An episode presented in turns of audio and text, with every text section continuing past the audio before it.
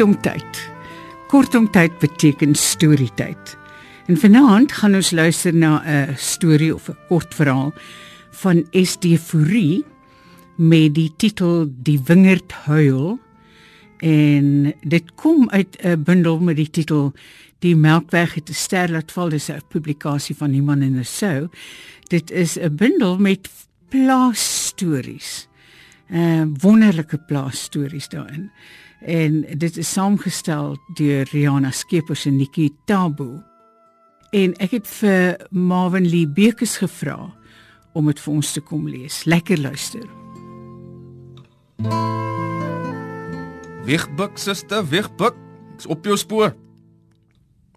Gilliam is stytig vandag. Roos trek haar moe rug, vroetel in haar oorrok se sak vir die flenterlap en vier die sweet van haar gesig en voorkop. Die son brand op haar rug en die straaltjie sweet buggel teen haar rugstring af en verdwyn in die spleet en boek in haar broek se rek. Sy rem aan haar broekie en buik onder die koelte van die oorhangende wingerd in. As sy net vir 'n oomblik uit die versengende hitte kan kom, haar onderklere sommer net hier uitskop, sal sy weer kans sien vir die plikkery. Nou my kies amper vol. Sy kan sy self by die water kan gaan lawe. Alle wêreld. Sy moet net sê sy wil op lê. Gillian pluk alweer die langs haar. Sy sweet blink gesig onverwags tussen die wingerdblare. "Voetsek man." Roos trek haar klere oorhastig reg en sny verbeete aan die groot trosse rondom haar en laat dit behendig maar versigtig in die mandjie gly. Dis tafeldrywe en mevrou kyk self toe. "Kom man, suster. Voor in die wapen brand 'n lig en hy lig is ek. En vanaand maak ek jou liggie brand." Gilliam sleep verby. Sy raak agter. Liewer nie antwoord nie. Net haar volle aandag by die plikkery. Gilliam soek haar, maar hy moet verbyhou. Sy soek hom nie naby aan nie. Hy betaal reeds papgeld en sy wil jaar in en jaar uit in die wingerd werkie. Teen Usaf wil sy wy.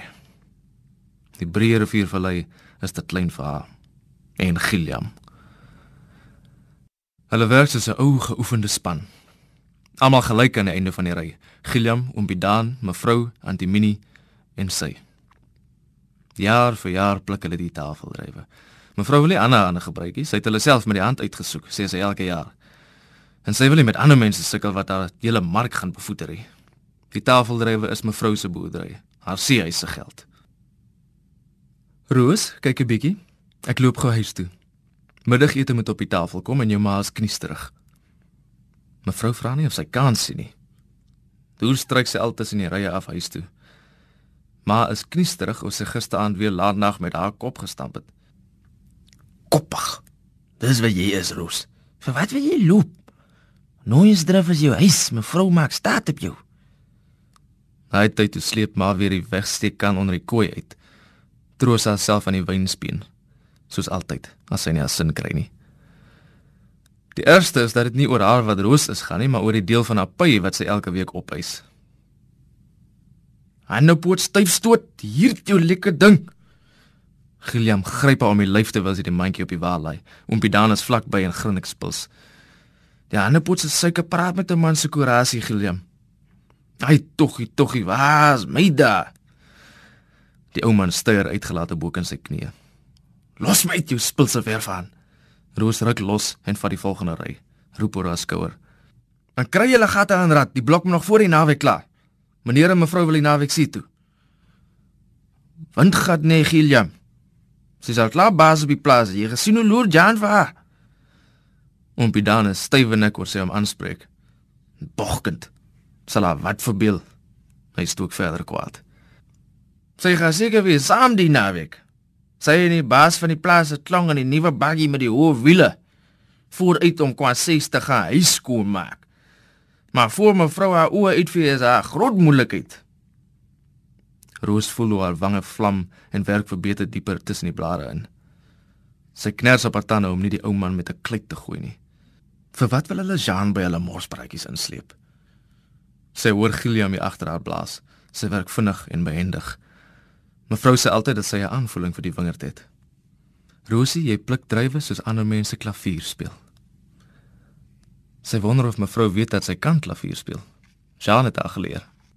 Hulle het saam groot geword. Haar ma in mevrou se kombuis en sy en Jean in die agterplaas. Saam skool toe, want in daardie tyd was hulle onafskeidbaar. Jean met sy traanoogies toe hy die eerste oggend moes plaaskool toe en meneer wat ongeduldig in die bakkie sit en wag. Mevrou het haar saam met Jean by die voertuig se deur ingebondel. Ag my man, laat Rosie saamgaan. Sy kan 'n oogie oor Jean nou en namiddag kan hulle sommer saam kortpad deur die wingerdhuis te loop, dan hoef jy hom nie weer te gaan haal nie. Meneer was maar te bly dat die seentjie van sy hande af is. 'n Wingerdplaas verg baie aandag. 7 jaar het hulle twee skoolbank gedeel en presies dieselfde punte behaal. Juffrou Anna het met mevrou kom gesels. Die meisie kind het potensiaal. Sy behoort te gaan leer. Dis jammer dat haar ouers dit nie kan bekostig nie. Maar kan julle nie dalk help nie? Sy het dit gehoor want sy het in die gang gestaan met die teeskingbord. Destyds het dit maar moeilik gegaan op die plaas. Daar was nie 'n mark vir die wyn nie en die boere het nou strop getrek. Mevrou kon nie bybring nie, maar het beloof om Roos verder te wys te maak. Sy en mevrou het met die tafeldrywe begin en saans het hulle aan haar studies gewerk. Matriek gemaak, maar toe kon mevrou nie meer nie. Meneer was ook nie meer gediend met haar leer in die huis nie. Sy het voltyds op die plaas begin werk. Skuld terugbetaal, het haar ma gesê. Jean is universiteit toe. Uit sam maar die ding maar knop.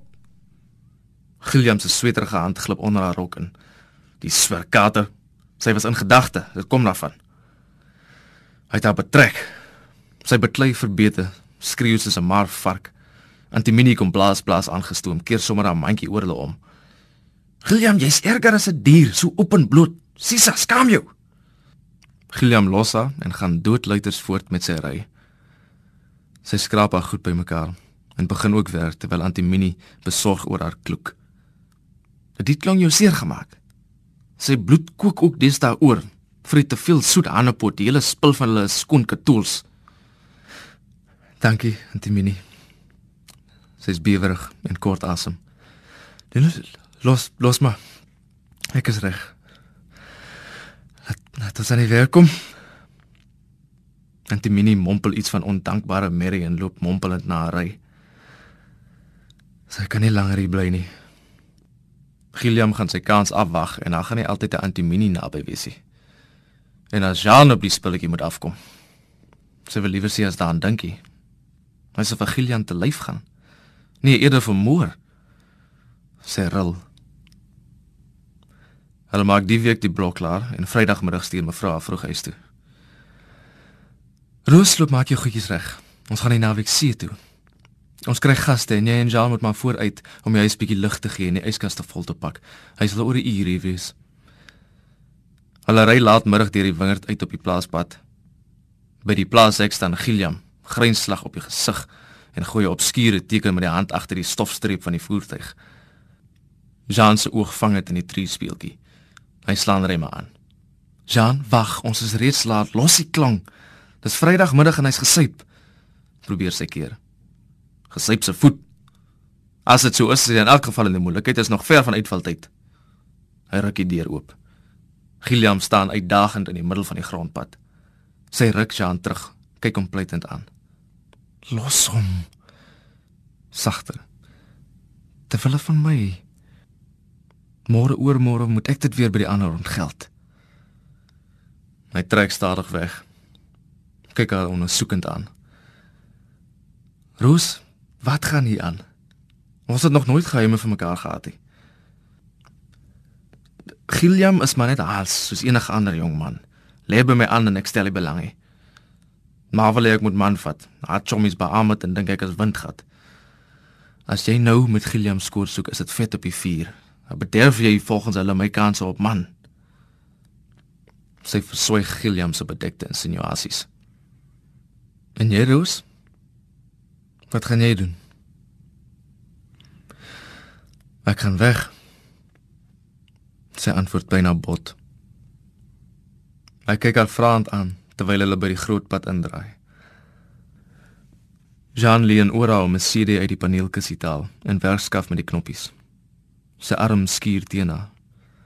Haar gesig vlam onnatuurlik en ten spyte van die ligreëling in die kajuit, dam die sweet in haar armholtes. Connie de Villiers se stem vul die kajuit en geleidelik bedaar haar emosies. Dis een van haar geliefkoeste stukke. Wanneer? Dit was altyd so tussen hulle. Die een het presies geweet hoe werk die ander se draadwerk. Na die naweek. Ek kan my maandag op grabou aflei. My tannie het my werk gekry op 'n appelplaas in die kantoor weg van die Gilliams van die plaas. Sy gee 'n bitter laggie. Die wingerd huil as jy dit te vroeg snoei. Hy draai vir 'n oomblik sy gesig na haar. Sy oë pleit. Ja, maar as die stok nie gesnoei word, dan sal die gehalte van die oes minder waardig word en die stokke sal tot 'n onbeheerde boskasie ontwikkel. Antwoord sy stil. My antwoord nie. Bepaal weer sy aandag by die pad. Sy draai die ry af, kyk terug. Die dag se hitte dam nog in die vallei. Bak die laaste natrosse tot suikersoet rosyne. Die klank waai by die venster uit. Connie de Villiers. Jean draai dit harder. Die dae is droef soos druiwe. Jou naam is soet soos mos. Die herfs is in die wingerd. Die son in elke tros. Ons het saam op 'n wingerdplaas groot geword, Jean. Ons weet wat nodig is. Sy draai die rit op en kyk strak voor haar uit. In haar hart net die fluistering van die laaste strofe. Die wens bly tog maar net 'n wens. Die werklikheid is nou. Waar jy dinne naalde ruik. Reën wat oor die berg kom en timmer teen die luik. En by die hek op lokom met sy takke in die wind. Hier in die koperlede kant jou warm bruin oogkind. Want die dae is stroef soos druiwe jou naam is soet soos mos. Die herfs is in die wingerd en die son in elke tros. Want die winter suur is wonbaar as die jaar se te wyn Die seisoen word oud en waardig. Wat mos was word nou wyn. Al maak ek hierdie versie eenvoudig lief soos nou. Die wens bly tog maar net 'n wens, die werklikheid verbrou. Die wens bly tog maar net 'n wens, die werklikheid verbrou van die dae is droef soos druiwe. Jou naam is soet soos mos. Die herfs is in die wingerd en die son in elke tros. Van die winter suur is wonbaar as die jaar se hitte wyn die seisoen word oud en waardig wat mos was word nou wyn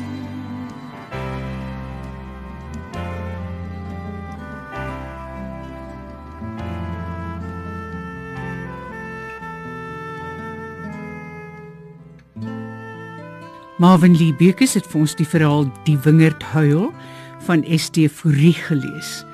Ek het dit gevind in 'n bundel met die naam Die Melkweg te ster laat val een van my gunsteling kortverhaal bundels. Die Melkweg te ster laat val van Himan Rousseau. Dis saamgestel deur Riana Skeepers en Nikki Tabu en die leser was Marvin Lee Bekes. Van my Margolite alles van die aller aller allerbeste tot volgende keer. Mag dit met ons almal goed gaan. Totsiens.